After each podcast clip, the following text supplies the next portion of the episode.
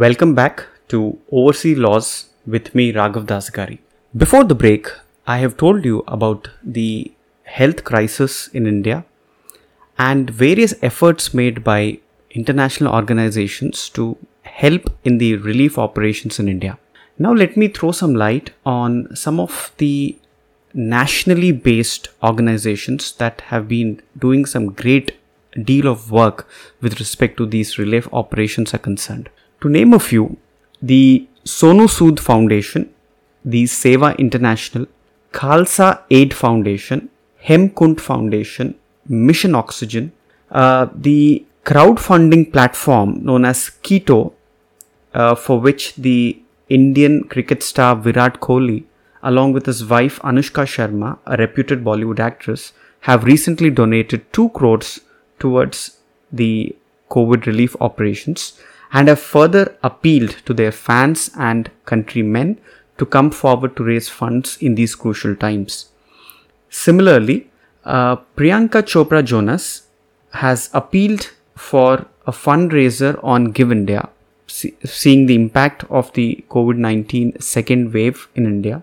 The American Association of Physicians of Indian origin ran a donation campaign in collaboration with the NGO Seva International and they are scheduled to ship more than 1000 oxygen concentrators to India.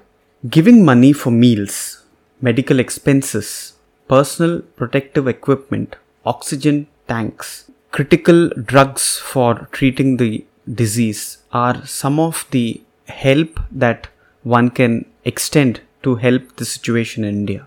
Well, you may ask me how can donations in, terms of money be made to these operations in India? For almost several weeks now, various non governmental organizations are operating activities such as 24 into 7 oxygen drives, enabling COVID 19 patients to access oxygen cylinders, which are currently in short supply even in the biggest hospitals of metro cities in the country in India. Many organizations that are ready to extend their work to other cities, although help is pouring in from all over the world, but they are unable to since the foundations are not in a position to accept foreign donations. Well, I'll tell you the reason why. As India's COVID 19 outbreak stretches its healthcare system to the brink, NGOs working on the ground are struggling to receive funding from the international donors due to the country's foreign aid regulations. NGOs wanting to receive foreign funding are required to have a license under the Foreign Contribution Regulation Act. Therefore, new organizations or organizations which do not have this license are not in a position to accept foreign funding. Although it has been said that the government has been actively considering to relax some of these conditions of accepting foreign contributions, well, we have to wait and watch for any such declaration from the government on this front. Now, also, let me tell you on some of the other important organizations which have been extending help in the COVID 19 reliefs in India. That includes the Indian Red Cross Society, which has staff and volunteers running blood drives, delivering aid and medical supplies, along with providing other essential services across the country. An organization called as the Youth Feed India and Helping Hands Charitable Trust are delivering ration kits to vulnerable residents of Mumbai. Each kit includes staples like rice and dal and feeds a family of 4 for 15 days.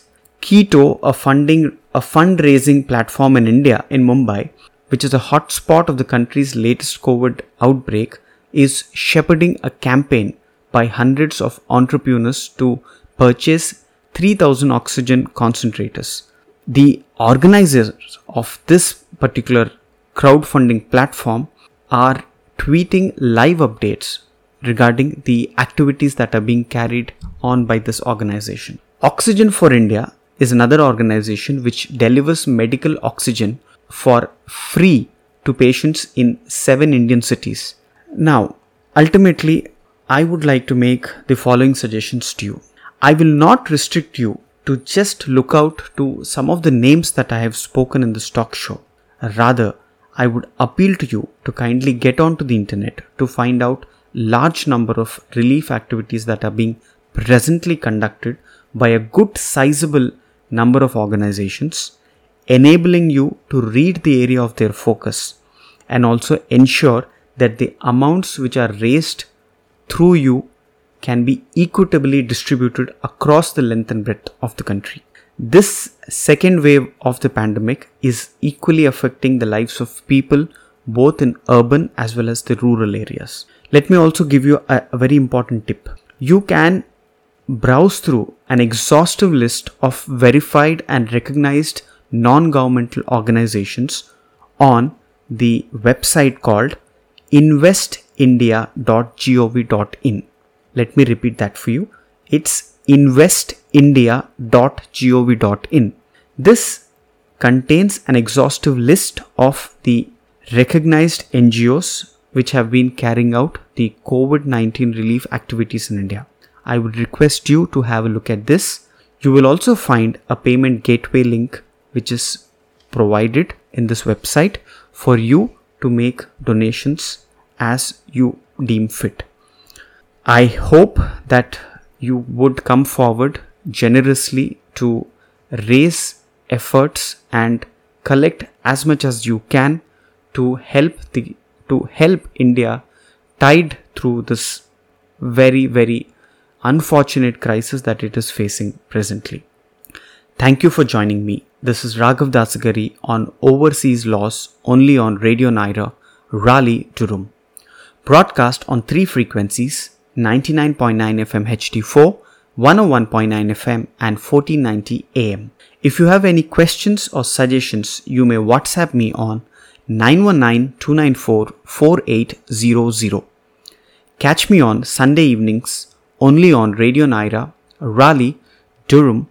Until next time, stay safe.